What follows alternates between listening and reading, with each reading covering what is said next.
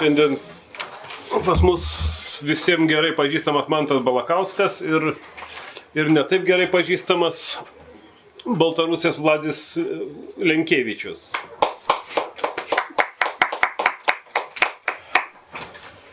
Tai pradėsim, pradėsim nuo свечо.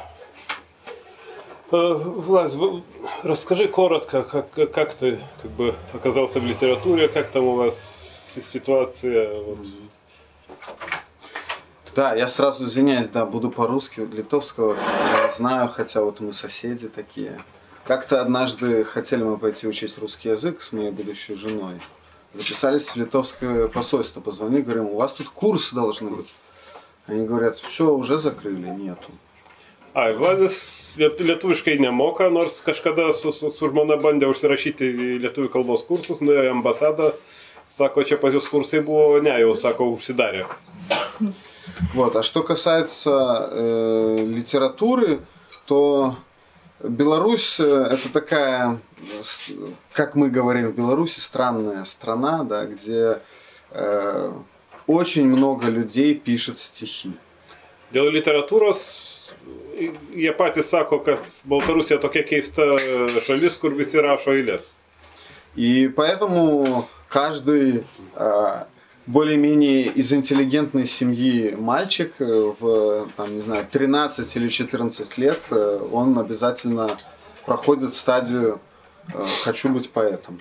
Todėl inteligentų šeimose berniukai 13-14 metų būtinai praeina tokį laikotarpį ir nori būti poetu.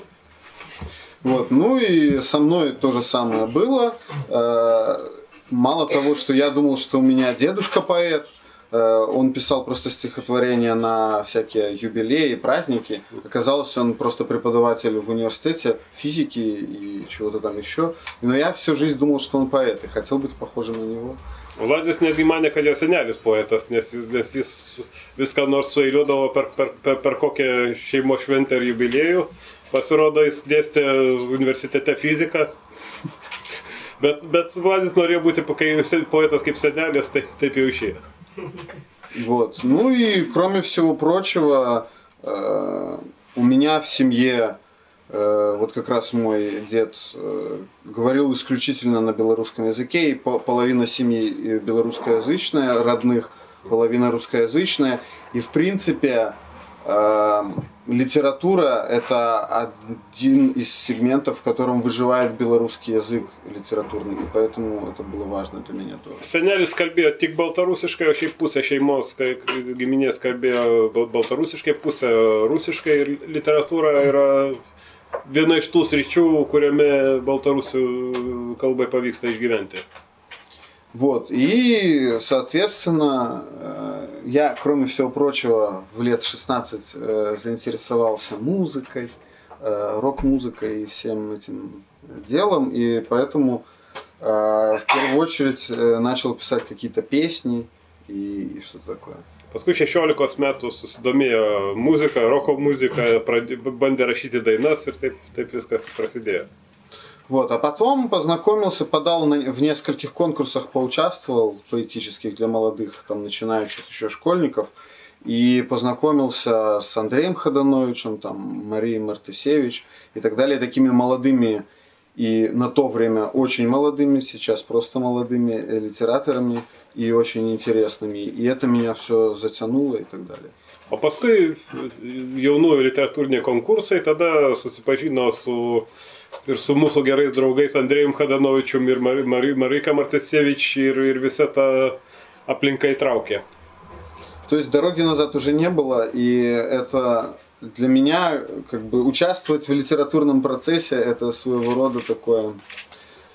Для поддержания себя в форме нужно написать новый стих, где-то его презентовать, чтобы не, не сором, не стыдно было бы взглянуть в глаза при встрече знаkomam literatūram. Ir jau kelio atgal nebebuvo, teko rašyti eilėraščius, palaikyti formą, rašyti taip, kad nebūtų gėda susitikti kolegą. Вот фактически и книга у меня появилась э, вот в самом конце 2013 года. Я вот ее привез сюда. 2013 metų pabaigoje išėjo knygutė. Первая книга, да, дебютная. И фактически все мои приятели, с которыми мы общаемся и там, пишем что-то, они уже э, два года назад, три, четыре поиздавали первые книги. И я такой самый последний, и уже все такие, ну как при встрече, когда там книжка, когда книжка. Вот и выдал. Bičiuliai literatai jau bendramžiai jau tai po porą trejata metų išleidę knygutės ir vis sutikę klausinėje, kaip, kaip, kaip knyga ar išėjo ar neišėjo, pagaliau, pagaliau išėjo. Вот. Но она мне в целом нравится, и я рад, что общество мне заставило выдать книгу. Jam pačiam ta knygutė patinka ir, ir visai gerai, kad vis, visuomeninis spaudimas padėjo išleisti tą knygą. Да, книга называется «70% воды». Knyga vadinasi 70 procentų vandens. Ну, это 70, это процент, это вода. Э, вот. И, собственно, вот так я в литературе. Еще, кроме всего прочего, на самом деле, с подачи Андрея Ходановича и вот этой тусовки такой минской, занимаюсь переводами литературы. Dar irgi Andrėjos Hadanovičius ir kompanijos užvestas pradėjo versti literatūrą с французского Аполлинера, например, переводил. Из французского kalbos Аполлинера bandė versti. С украинского, с польского немного. Šiek tiek iš lenkų. И так далее. Вот. Вот моя жизнь литературная такая. Toks tas literatūrinis gyvenimas. Так что, может, почитаем что-то. Угу. Да, напишу я на белорусском языке, да. Rašo baltarusiškai, mes čia prieš tai turėjom Mašą Lapo, kuri, kuri rašo ir taip ir taip, ir, ir buvo Andriušalas Lutkinas, kuris rašo rusiškai. Šiandien mes turim pirmą grinai baltarusiškai rašantį autorių. Мало того, никогда по-русски не пробовал писать и... Русишкой нет не bandė rašyti. Потому что не чувствую языка русского совсем. Nes ne, tarsi nejaučia rusų kalbos.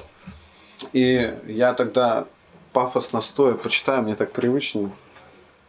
А, книжка моя, кстати, да, она там, как написано в аннотации, в нее входит один украденный и несколько десятков некраденных стихов. Knygutė vienas voktas ir ke, ke, ke, keliasdešimt nevoktų eilėraščių. И начинается она как раз просто с перевода сенегальского французского поэта одного. И prasideda nuo, nuo senegaliečių prancūzakalbio poeto eilėraščio vertimo. Ну, его читать не будем, было бы странно переводить jo, перевод. Jo neskaitysim, nes versti vertimą nei šis, nei tas būtų. Тогда начнем со второго стих, стихотворения в книге. Плачу сердце моим. Знайомые словы крутятся под ногами, як маленький собачка, что хочет погуляться. Здаецца, што ў гэтым свеце рухаюцца толькі мошкі, а ўсё астатняе застыгла ў чаканні. Я спрабую заглушыць цішыню, уключаючую музыку, гучней і гучней, безвынікова. Тады я спрабую змагацца з цішынёй часам і хуткасцю. Я ўключаю спачатку павольныя песні, потым хутчэйшыя, яшчэ хутчэй, яшчэ хутчэй. А цішыня больш шчыльная, больш працяглая, яшчэ пусцейшая, Каб прыцішыць яе мыю валасы, а потым доўга расчэсваю іх. Мокры, марна. Каб заглушыць цішыню, я разглядаю мапу ваколіцаў горада, дзе цяпер жыву. Каб заглушыць цішыню, я спрабаваў напівацца, а потым наядаўся шакаладу. Я спрабаваў заляпіць цішыні рот, вывучаючы іншыя мовы. Я спрабаваў заторкнуць ёй рот, уключыўшы ўсё святло ў кватэры. Нібыта я не адзін, тут, маўляў, можа пойдзеш, прагуляешся, ты ж бачыш, я не адзін. Не павялася халера. Я спрабаваў вырваць ёй язык. Удалося. Але на трасце як пачала мычаць, давялося прышыць назад. Я адціскаўся і разглядаў крошкі, маленькія нітачкі, часцінкі паперак і валасінкі, драбязу, якая вырастае на дыване, калі доўга не прыбірацца. Я абстрыкаў асадкай, пакуль тая не зламалася. Я перамалёўваў абрысы, краіны, з мапы на прасвет, праз шкло, як у дзяцінстве. Я расчыняў вокны і спадзяваўся, што скрасняк прыглушыць цішу, але прахалода заходзіла і бралася падпяваць, падвываць, падтакваць цішыні. Тады я зачыняў вокны, замыкаў дзверы і нагручваў батарэю так, што цяпло перарастала ў спёку. Вось яно. Гук паведамлення з далёкага места прымусіў яе змоўкнуць.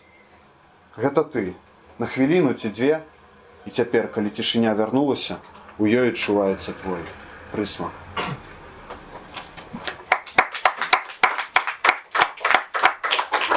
Verksmas mano širdyje. Pažįstami žodžiai painėjasi po kojomis, lik mažas šunelis reikalaujantis eiti pasivaikščioti. Atrodo, tarsi šiame pasaulyje judėtų tik mašalai, o visa kita lauktų sustingę. Mėginu užgošti tylą, vis labiau garsindamas muziką, veltui. Tada bandau varžytis laiku ir greičiu su tyla. Iš pradžių leidžiu lėtesnės dainas, paskui vis greitesnės ir greitesnės ir dar greitesnės. O tyla tik dar sandaresnė, dar ilgesnė ir dar tuštesnė. Kad pritildyčiau ją, plaunuosi galvą, o paskui ilgai ją šukuojuosi. Šlapia, veltui. Kad nustelbčiau tylą, tyrinėjau miestą, kuriame dabar gyvenu apylinkių žemėlapį. Kad nustelbčiau tylą, vis mėginau prisigerti, o paskui prisivalgydavau šokolado. Mėginau užlipinti tylą į burną, mokydamasis kitų kalbų. Mėginau užkimšti ją į burną, įjungdamas visas būto šviesas, tarsi nebūčiau vienas. Neva gal eitum pasivaikščioti, juk matai, kad aš ne vienas, neužkybo bjaurybė. Mėginau išrauti į liežuvį, pavyko, bet jį giltinė, kad jums mygti. Teko prisiūti atgal. Darydamas atsispaudimus, tyrinėjau trupinius, mažyčius sulėlius, popieriaus keutais ir plaukelius visokias smulkmę, kurios prisivėlė ant kilimo ilgai nesirbus. Spraksėjau rašikliu, kol tas suūžo. Piešiau šalies kontūrą pagal žemėlapį per stiklą kaip vaikystėje. Vis atidarau langus, tikėdamasis, kad skersvėjus užgoš tylą bet įsprukusi vėsa dainuodama ima antrinti, antrinti, pritarti tylai. Tada uždarau langus, užrakinu duris ir atsuku radiatorius, taip kad šiluma virstų kaitra. Štai ji. Žinutės iš tolimo miesto garsas privertė ją nutilti. Tai nuo tavęs minutė ir dviem. Ir dabar, kai tyla sugrįžo, jaučiu joje tavo prieskonį. Я скажу пару слов. Думал просто, какие стихи вот э, можно перевести на литовский язык, чтобы было возможно литовскому читателю. А svarstė, kuriuos eilėraščius lengviau išversti būtų lietuviškai. Ну ясно, всякие там про любовь, это всегда везде одинаково. Apie meilę visur vienodai. А, но также у меня есть некоторые стихи с такими мифологическими какими-то вещами, и мне кажется, тут у нас немного общее света восприятие. Yra eilėraščių su mitologiniais motyvais ir, ir, ir čia mūsų turbūt gana, gana, gana artimos пасаулејутос. Ну, вот такую сказочку сейчас прочитаем. Ты токе пасакеля. Калі мы пакрыўдзілі змей першы раз, яны выдумалі нам нітку. Мы меркавалі. От бязглуздыя дарунак за крыўду, а яны думалі. Цяпер я не круці, як не круці будуць нас помніць. Калі мы пакрыўдзілі змей другі раз, яны падаравалі нам валасы. Мы меркавалі. От дзе дурні нам цёпла, яны думалі, мы з іх выпаўзаем. Калі мы пакрыўдзілі змей трэці раз атрымалі пальцы, мы, от ёлупні, можам іх злавіць. Яны, цяпер кожны іхні рух няўдалая спроба паўсці. Мы попрасілі прабачэння, Яны рассмяяліся і падаліся ў бок меднай гары, прыхапіўшы з сабой нашы языкі. Нам засталося адно. Мы збіралі іх засохлых на санцапёку і плялі кошыкі. Kai mes pirmą kartą nuskriaudėme gyvates, jos sugalvojo mums siūlą. Stebėjomės, tai kvaišo, dovana už skriaudą. O jos resgė, kur dabar dėsis, tikrai mus atsimins. Kai mes antrą kartą nuskriaudėme gyvates, jos padovanojo mums plaukus. Stebėjomės, tai kvailės, dabar mums šilta. O jos gudravo, tai mes išliaužėme iš jų. Trečią kartą nuskriaudė gyvates, gavome iš jų pirštus. Stebėjomės, tai žioplės, dabar galime jas sugauti. O jos, dabar kiekvienas jų judesys nevykęs bandymas šliaužti.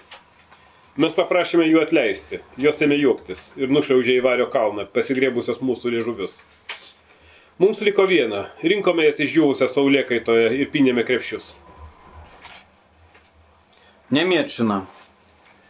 Пры універсітэце на вуліцы гандляр старымі кнігамі. Я спыніўся паглядзець тое сёе, думаю, за якую ўзяцца. А тут вуаля проста на томіку перад вачыма Божая кароўка. Сядзіць, а тады пераскоквае, зверні вось гэтую. Я на гаспадара з мушкецёрскімі вусамі і барадой. Пасміхаецца. Недзе на пятай багоўцы я не ўтрымаўся. Яшчэ раз паглядзеў на пана вулічныя кнігарні. Ён зноў пасміхнуўся і чмыхнуў. І на вусы імгненна пазглядаліся дзясяткі кніжных баговак. Сяджу, абедаю і гадаю. Мо і не дзед ён ніякі, і не гандляр, не букініст, цар баговак ці проста звыклая купіна імшастая ля сцяны. А можа і кнігі, калі доўга ляжыць на свежым паветры, то не кніжка больш, а куст, хмыз, пень, як хата, што доўга стаіць на зямлі, становіцца зноў лесам. А камяніца з часам робіцца зноў грудай камення, крушняй.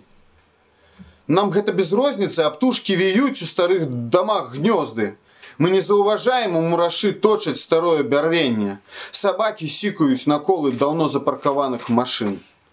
Як толькі мясцовыя вераб'і пачынаюць зачаста на цябе гадзіць, тэрмінова мяняе месца жыхарства.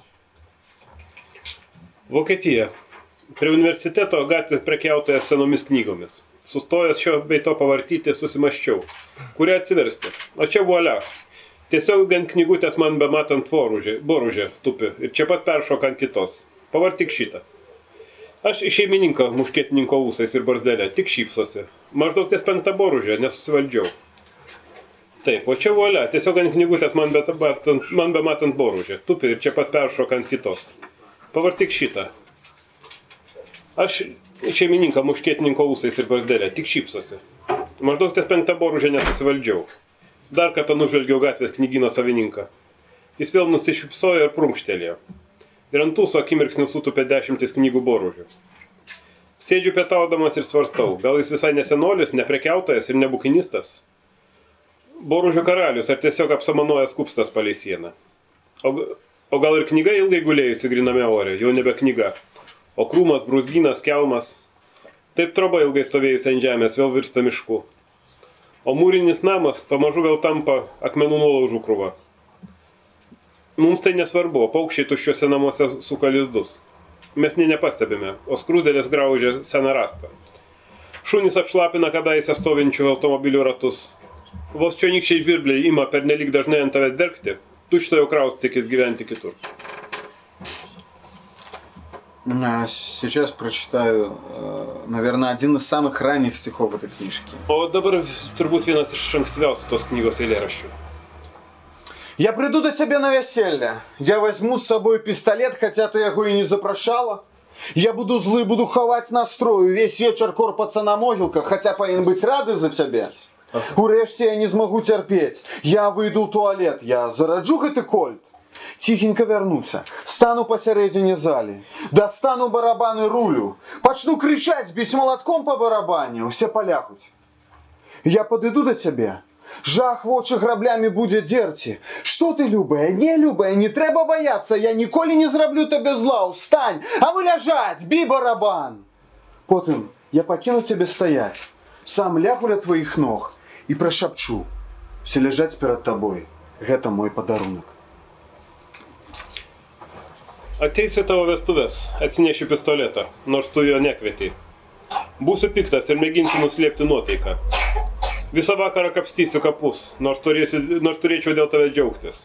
Pagaliau nebeiškesiu, nuėjęs į tualetą užtaisysiu tą koltą. Grįšiu patiliukais, išeisiu į salės vidurį, išsitrauksiu bugnelį ir vamzdį, šaukdamas imsiu daužyti bugnelį plaktuku. Visi supuls ant žemės, aš prieisiu prie tavęs, baime per akis tarsi grėbliais. Ką tu mėloji? Ne, mėloji, nėra ko bijoti. Niekad tavęs nenuskriausiu, nusiramink. O jūs gulėkit, dundėkit bugnelį. Paskui palikęs tave stovėti, parpulsiu tau prie kojų ir sušnipždėsiu.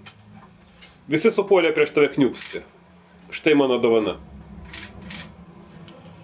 Tai dabar turbūt atėjo eilė mantui. Aš gal atsisuksiu geriau. Paskaitysiu galbūt daugiau tekstų, kurių iš vis neskaičiau, arba turbūt daugiau neskaitysiu, nes kažkaip žiūrėdamas pagalvojau, kad prašosi bent kartą perskaitomi. Tai pirmas tekstas būtų apie mano gimimo vietą. Taigi, Sibirė, pilnas meškų ir čiukčių sėjančių kmynus, neverk. Aš su tavimi kalbuosi ir per pirmą gimtadienį išsivežiau verdantį versmės vandenį, kontrabandinį skrydžio spiritą, kurio dabar jau nepamenu, nors sako, kad gerai skridosi, tik kad liūdna žiūrėti iš viršaus į apačią. Gėl atspindi riebaus menulio, kurį ryjom iki supykinimo. Štai taip ir neliko pasaulio. Andalūzija virto keturių trobų, andalūziškių, bet neverk dėl manęs. Aš su tavim vis dar kalbuosi, nes visa tai yra nepataisomai tikra. Taigi, kitas. Yra dar dalykų panašių į tikrovę. Už šito duonos raikimo reglamento, už bromo šventųjų plaučiais malančių pelenus, į savadarbių kūdikių bombas, užtaisius, tiksinčių laikrodžių spiečius, miegančių devinaukščių pastogėse, geliančių šaltom valandiniam rodiklėm, šokančiai saulėje į kepenius, lietai slystančiam spinduliu į akis, vyzdžių rašalų glostančiam plaukus, kuriais tu užkloji dusulio, dusulio priepolius. Ir mūsų nuostabus pralaimėjimas taiga nebetenka prasmės, virsdamas paprasčiausių game over.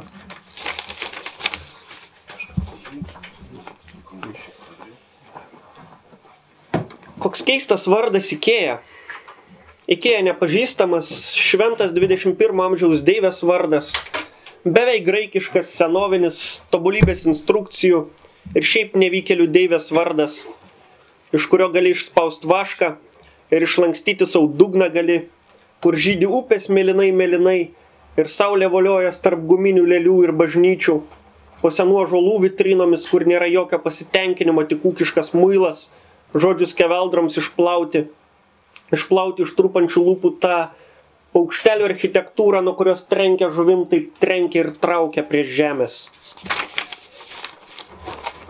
Ir dabar dar turbūt vienas naujausių tekstų. Dabar žodžiai yra tuščia viduriai kaminų dūmai, paukščių iškams šios tupinčios tavo šešėlyje, tyli prikalto šernų galvos netekusios kūnų, žada praradusios. Žinai, ir aš kartą buvau medžioklėje, šaudė antis. Stebėjau, kaip krinta maži taškeliai į žemę, visai nesvarbus. Po to mes jiem susikibę už rankų ieškot per tą žemę, per pelkės visokius brusgynus, sutežusi molį mindami, molį pilną mažų kareivėlių galūnių, nudegintų žiaptuvėlio liepsna dušelių, keistos pabaigos kvapas lipo prie nugarų, pažliugusių batų įspauda jau buvo ne mūsų. Vaidenosi, kad eina kiti lietaus ir grunto žmonės, naujadarai išbridė iš niekur ieškoti, plunksnų pagalviams, kalboms ir miegui prailginti, žoliai praukti medžių viršūnės. Ten, kur paukštis dar gyvas gėda gesmes, kad nemirsim, tik jau būsim visat nematomi. Na ir pirmam ratui. Vilnius. Full of space užrašai Solomonai grafiti, Rozevičius vidinėje švarko kišenėje. Reikia erdvės asimetriškiams teterio kūnams, parduotuvių vitrinoms, sugedusių vaisių prieglaudoms. Pamiršk įprastą jų apsireiškimą, pamiršk įprastą pasirodymo formulę. Išdžiūvusios išnaros pasilgau, full of space, su kuriuo niekaip negaliu susitarti. Mane atsako į klausimus, mane atsako į klausimus užimtas numeris, gal kas turi rimtesnių žodžių ar kalbelių kokių vertų dėmesio prokalbių, nes aš liūdžiu, iš dangaus veržėsi neteisinga informacija, perviršis ir vėl pamirštu, kad esu pasilgęs. Ir jau pradedu siaubingai kartotis, ir jau kažkas negerai kokį šimtmetį staugiantį paraštės. Ačiū. Gerai, jeigu man tas baigė pirmą ratą, tai dabar perinam vėl prie Vladzio. Да, наверное, сразу скажу. Если вдруг у кого-то появятся вопросы, любые, любого характера, от э, того, люблю ли я президента Лукашенко и заканчивая тем, можно ли в Беларуси жить счастливо и весело, то я готов ответить.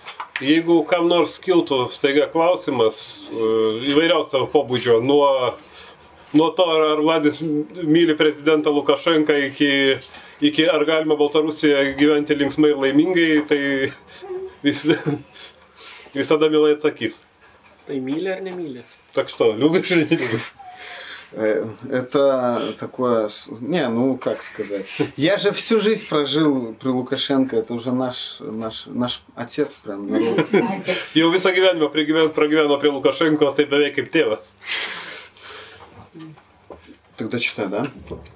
Сейчас будет, э, может быть, просто не все присутствующие знают.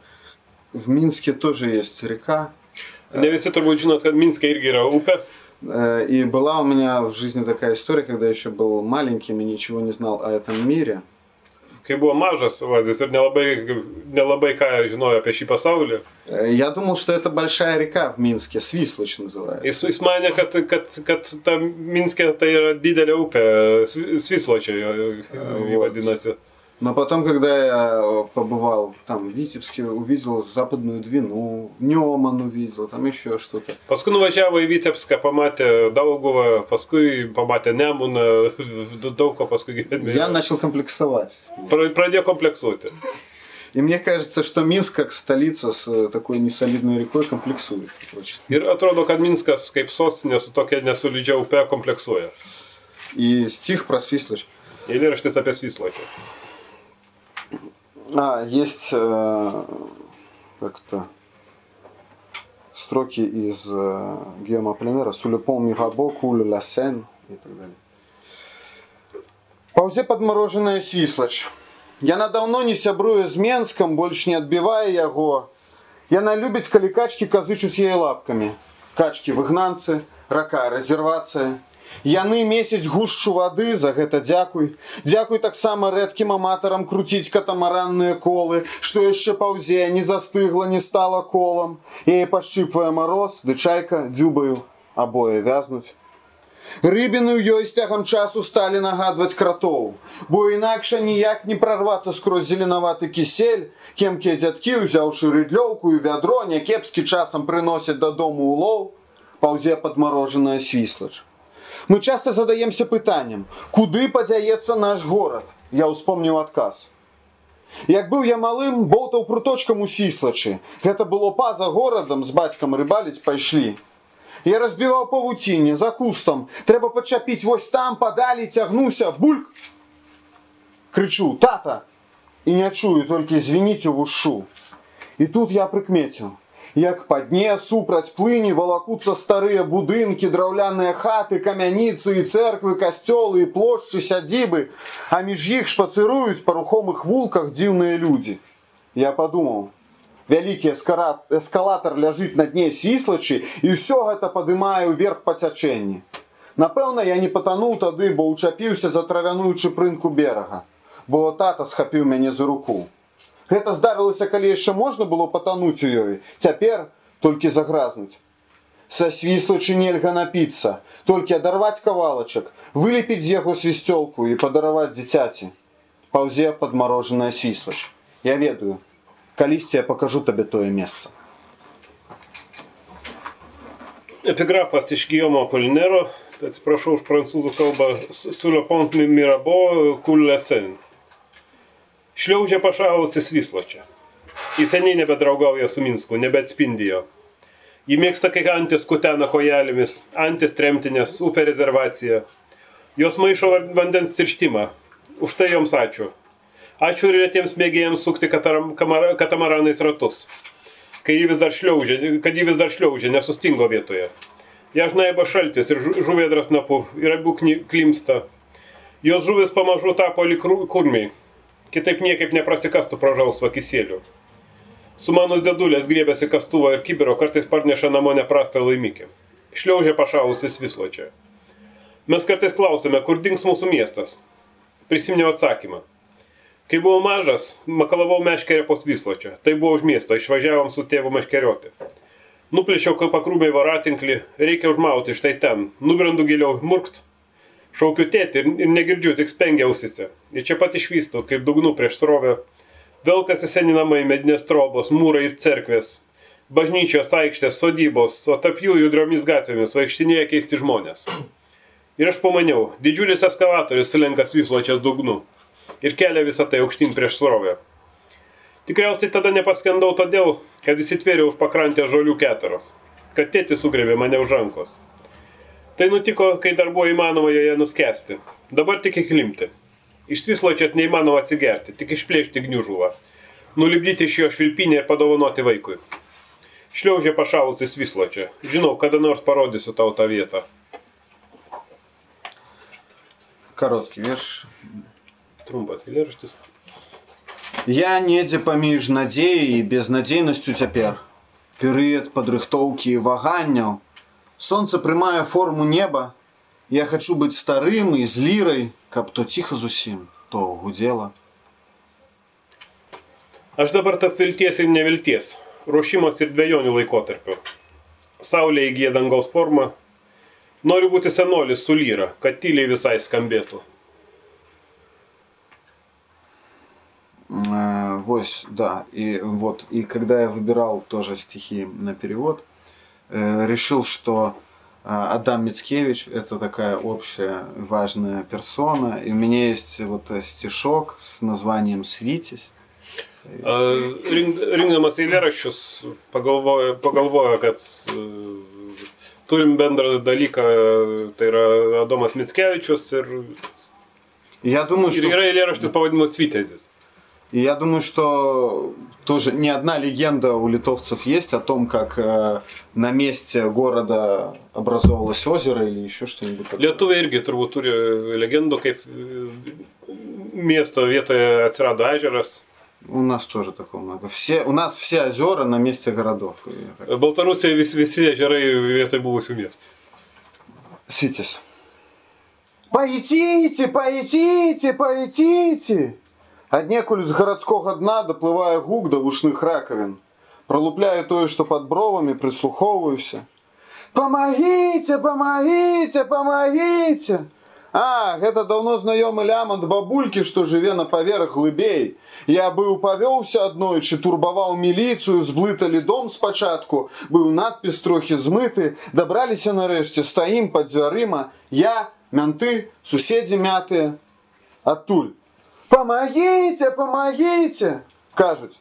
Не будем ломать, ты что, не знаешь, гэта старая русалка. Яна калісьці лямантам у вір хлапцоў вабіла, накаціла, відаць, ностальгія.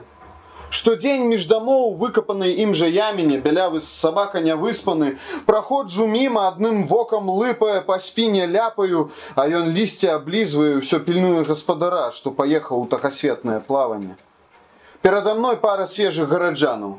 Выбраліся на шпацыр, ад іх пахне прынятым душам, рабізна і плёскат аўтамабіляў. Тут па жыцці кажуць адно аднаму не хвалюйся. І любяць на арэлях гойдацца, баяцца падводных камянёў. Тэлефонная сетка то ловіць, а то не ловіць. Тут у думкі занураюцца, а калі што якое, то лепей часова залегчы на дно. А дзеці? Дзеці гуляюцца ў пяску і лужынах. Гэты горад падняўся на паверхню занадта хутка, занадта хутка. У насельнікаў кісонная хвароба. Адсюль сышло мора, пакінуўшы соль на асфальтах. Čia dar reikia paaiškinti, Paityti tai yra, tai yra toks legendinis inkų miestas. Svitezis. Paityti, paityti, paityti, kažkur iš miesto dugno jau, jausų kaušelius atsklinda garsas. Prasikrapštau tai, kas po antakiais suklūstų. Padėkit, padėkit, padėkit. A, tai seniai pažįstamos dejonės vienu aukštu žemiau gyvenančios senutės. Kartą vos neapsigavau, kvaršinau galvą milicijai. Iš pradžių supainiojo namus, numeris buvo šiek tiek nublūkęs. Pagaliau atvyko, stovim prie durų. Aš, mentai, susivėlė kaimynai. Iš ten padėkit, padėkit, sako nelaušim. Argi nežinai, tai sena undinė. Kadaise dėjonėmis vi- viliojusi vaikinus į ver, verpetą. Tikriausiai užplūdo praeities ilgesys. Kasdien tarp namų jo paties išraustoje dobėje šu, balkšvas šuva. Einu pro jį, jis dėpso vieną akimį, paplekšnoju per nugarą, o jis laižo lapus, vis laukdama šeimininko, išvykusio plaukti aplink aną pasaulį. Priešais mane porą naujųjų miestiečių. Išėjo pasivaikščioti, nuo jų dvelkia dušų, marguma ir taškena automobiliai. Čia visą gyvenimą sakoma vienas kitam, nesijaudink ir mėgstama suptis supinėmis. Saugomasi po vandeninio akmenų, telefono tinklai tai gaudo, tai nebegaudo. Čia nugrimstama į mintis, o jei netyčia kas nors verčiau trumpam nunerti dugną. O vaikai, jie turškėsi smėlyje ir balose. Tas miestas iškilo į paviršių pernelyg greitai. Pernelyg greitai. Gyventojai serga dekompresijos lyga. Iš čia pasitraukė jūra, palikdama druską ant asfalto.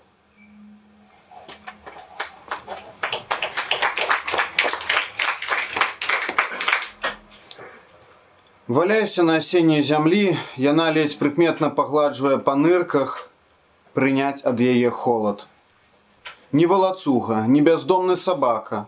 Харчуюся кавай і ветрам, які, змяшаўшыся з ёй, трапляецца ў пастку, трапляе ў пашчу, не бяздомны сабака. Гаспадар, што навязаў мяне тут, не вяртаецца. З часам абярнуся забытым роварам. Усе ровары проста дужа схуднелыя сабакі, адныя рэбры, і няма сілы падаць голас. Час ад часу парыпваюць косткі.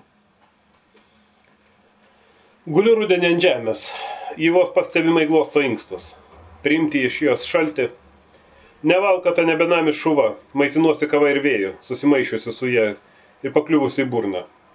Atsiduręs pastuose, nebenamis triuba. Nebenamis, nebenamis šuva. Šeimininkas mane čia pririšęs negrįžta.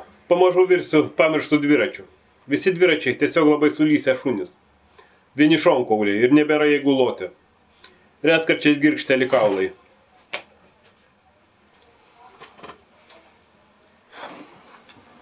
Пра верш пра нейкую дзіцячую мару прысвечаны маёй жонцы, толькі я чамусьці ў кнізе ты не пазначыў вот. Eilėraštis apie vaikystę svajonę skirtas žmonai. Tik tai kny, knygoje ne, tai nepažymėta. забыл. Вороны кричаць галасамі капрызных дзяцей, вялікі сметнік, кароны дрэў, ровар па лужынах у двары апісвае адно за адным васьмёрка кола, васьмёрка кола, васьмёрка кола. Воронкі і барозны дорожнага покрыва аб'язджае. Начамі ад людзей падалей катаецца прывід ровара, а па бульвары самі круцяцца рулі педалі. Кола праколата, кола праколата, кола праколата. Вараны ровар, здань, мара, прывід веласіпедны. Абяцаны табе ў маленстве, але не падораны. Немаведама, колькі ён ужо так ездзіць вакол дома коламі, вакол дома коламі, вакол дома коламі. Varnos karkė aikštingų bal- vaikų balsais. Didelis šiukšlynas, medžio vainikai, dviratis. Per kiemo balas vieną, vieną po kitos paaišo.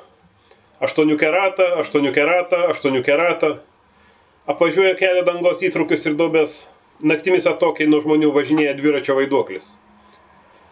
Po bulvarą patys vieni suka ratus vairas ir pedalai. Ratas pradurtas, ratas pradurtas, ratas pradurtas. Juodberis dviratis šmėkla dviračio vaiduoklis, žadėtas tavo vaikystėje, bet nepadovanotas. Nežinia, kiek jau taip važinėja, aplink namą ratais, aplink namą ratais, aplink namą ratais. И последний на сегодня. Э, наса- э, Название у этого стихотворения написано у меня в книге на э, по-валийски. Pavadi- Pavadinimas e, eilėraščio knygoje paraš- užrašytas velsietiškai, Но я сам никогда его не читаю и никому не говорю, что стих так называется. bet jis pats e, to eilėraščio su tuo pavadinimu niekad garsiai neskaito ir nie- niekam nesako, kad jis taip vadinasi. Чисто книжный выпентрон такой, да. Grinai knyginis išsidirbinėjimas. У нейкі момант пачынаеш разумець усялякіх ацтэкаў, егіпцян і гэтак далей. Вось што нам трэба. Трэба насыпаць горы. Каб нашы дзеці нарэшце пачалі нараджацца з арлінымі насамі, а не з кірпатымі і пляскатымі. Насыпаць горы, насыпаць. Прадаць маёмасць, купіць машыны, абавязкова з кузавам, рыдлёўкі, лапаты, шуфлі, мяхі, усё для таго, каб насыпаць горы, насыпаць горы. Каб у нас атрымліваліся не толькі паэты. Каб смерць у літаратуры напаткала не толькі калі кінуўся ў раку і не толькі таму, што балота засмок чабо мароз, а яшчэ і таму, што сарваўся з гары. Насыпаць горы, насыпаць. Адну за адной. Няхай гэта будзе народны рух і ніхто не кіруе ім і не звярае з планам, каб сыпалі няроўна, а потым можна будзе сачыць за тым, як кожнае з іх атрымае імя. Як паціху некаторыя пакрыюцца дрэвамі і людзі будуць назіраць за сваімі гадаванцамі. Насыпаць горы, насыпаць. А тады трохі пазней з'явіцца нацыянальнае свята. Дзень гор, а быць можа цэлы тыднёвы фэст, на які будуць ездзіць пазырыць замежнікі, а на гарах будзе расці бульба і нацыянальная годнасць. Насыпаць горы, насыпаць. Да таго ж у праекта ёсць прыемны бонус. Тое месца, адкуль мы будзем выграбаць каменні і зямлю для нашых гор, стане цалкам гатовым морам. Назва для яго даўно валяецца без справы. Насыпаць горы, насыпаць, забяспечыць нашчадкаў на стагоддзе прыбыткам з турызму. Возьмем сябе ў руки, падправім здабытыя стаўры і гаўры, насыплем горы, насыплем. Dar reikia paaiškinti šitam šitame eilėraštyje yra minimi vardas Tauras ir, ir Gauras. Tai yra legendiniai Polotsko kunigaikščio medžiokliniai šunys, kurį, kuriuos kunigaikščio sūnus paleido, kad, kad, kad, kad, kad nužymėtų valstybės ribas. Kur tie šunys apibėgo, ten ir, ten, ten, ten ir radosi valstybė. Versietiškas pavadinimas Fainangarv ar kažkaip panašiai. Ir čia dar angliškas epigrafas yra The Englishman who went up a hill but, but came down a mountain. Kristoferis Mongeris. Kurią nors akimirką įmi suprasti visokius atstekus, egiptiečius ir panašiai. Štai ko mums reikia - supilti kalnus. Kad mūsų vaikai pagaliau gimtų su, realio, su realio nosimis, o ne reistomis ir plokščiomis. Supilti kalnus, supilti, parduoti visą turtą, prisipirkti sunkvežimį būtinai su kėbulais, kastuvų žemė ir sniegui, maišų, visko ko reikia, kad supiltum kalnus, supiltum kalnus. Kad mūsųse rastosi ne vien poetai, kad mirtis literatūroje užklūptų ne tik tada, kai šoko į upę ir ne tik todėl, kad liūnas įtraukė, arba kad speigas, bet ir todėl, kad nugarmėjo nuo kalno. Supilti kalnus, supilti vieną po kito. Tegu tai bus liaudės sąjūdis, tegu niekas jam nevadovauja ir netikrina pagal planą, kad būtų pilama netolygiai. O paskui stebėtume, kaip kiekvienas įgyja vardą kaip pamažu kai kurie auga medžiais ir žmonės prižiūri savo augintinius. Supilti kalnus, supilti, o, o tada šiek tiek vėliau rasis tauto šventė, Kalnų diena. O gal ir ištisą savaitę trunkantis festivalis, kurio važiuos pasižiūrėti užsieniečiai. O kalnuose dygs bulvės ir viešės tautinis orumas. Supilti kalnus, supilti. Tam užhogmojui būdingas dar vienas malonus brožas. Vieta, iš kurios mes kasime žemę ir akmenys savo kalnams, virs tikrą jūrą. Jos pavadinimas jau seniai guli paliktas be darbo. Supilti kalnų, supilti. Užtikrinti ainėms neišsenkančias per šimtmečius pajamas iš turizmo. Susiimkim, ištaisykim tai, ką gavome iš tauro ir gauro. Supilkim kalnus, supilkim. Ačiū. Dabar jeigu, jeigu neturit klausimų, tai pereisim prie, prie manto kalsiu medinę burną prie durų, iš obels darytą, davusią drungną vaisių. Taip ilgai tavęs nemačiau, sakys man tėvas, o aš gulėsiu ant kalnelio prie ką tik dažytų lentų, krūvos tvarkingai išdėliotos ir bijosiu kalbėti, bet vaselės už mane atsakys per tą tirštą miestų pilkumą, žemus vijokliais apsuptus langus, pro kuriuos pamačiau, pirmą kartą iš ties pamačiau laisvai vaikštinėjančių žvėris, žaliuojančios žolės stiebelius keliančius galvas ir savo akis baltas, baltas kaip sniegas iš TV ekrano, kurio tada dar negalėjau suprasti, bet įsileidau vidun ir po to jau nustojau kvepuoti. Visai nebebuvo svarbu visą tai, kas išsiskleidžia švyti, gal skambėjo per daug balsų, prikalbėjimų, norų pagelbėti, begalinės jėgos stumtis į priekį. Turbūt todėl taip ir nesugebėjau iki galo perprast, iš kur į mane pusvėjas kitą viduržemį.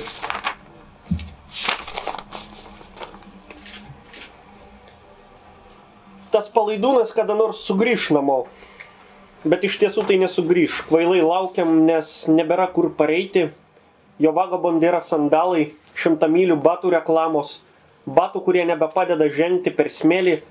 Vagabondai yra mano brolis, kurį matau kartą per metus arba dar rečiau ir iškart pamirštu, kas ten buvo keičiasi prasmės, tai yra sniegas, uždari stalčiai, žandikaulis išnarintas tuščių žodžių, gramatikos, kuri netitinka, neturi jėgų priežasties būti, todėl reikia mainytis į malkas, kalti medinį padą arba pušimi virsti žydinį, šildyti savo kvailumu susispietusių kūnus gal žinių arba valkatų, kačių išvarvėjusiais žvilgsniais, varyti seną melodiją, nuo kurios norisi vemti ekraną, varyti ir varyti, kol vagabon taps gėlių plokštėmis dūmais, raketomis nešančiomis miesto pakraščių, pakraščių, kurio dar nėra ir kokį tūkstantį kartų nebus, nebus kol upės saujon įsmukęs nelaimingai prigersi tikrai ne vandens.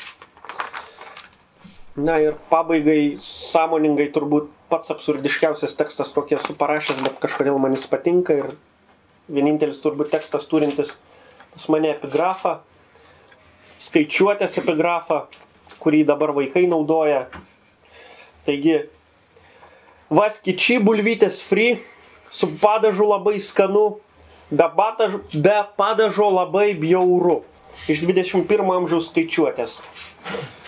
Klupojo prie prancūziškų bulvyčių altoriaus, frankofilas kepintos vištienos pavėsyje, kupinas noro atgimti su nuolaida, maldai sudėjęs rankas murmėjo šventai tikėdamas visą galį, švelniai sakydamas, užaugink man jie dygiausią Happy Meal kompleksą, tegu bent mažytę gėrimo porciją palaisti, palaimink viešpatę, troškina šitoje dykroje, nuo lentynos maži velniai krenta už apykaklės, kaista kakta rodos tuoj tuoj nusproksiu, bet kūnas nepasiduoda, muistosi, skinasi kelią kanopomis, o aš vis lieku jam už nugaros, iš paskos nebespėju, bėga į priekį, sunku vis dėlto bėgti keturiom, negirdžiu jau bumčikas muša į galvą, laiko nelieka galvoti, mikiu ir mikiu kažką ten, o ką ir pačiam nedaina, matyt dabar jau mano eilė atsijungti nuo gyvybės palaikymo. Ačiū.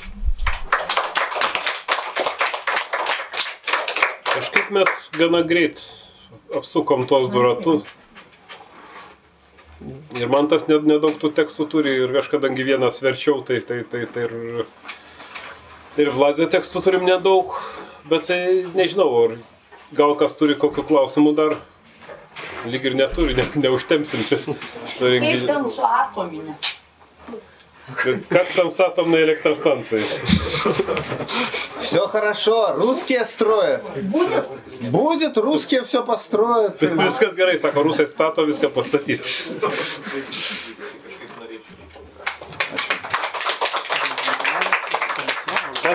Вам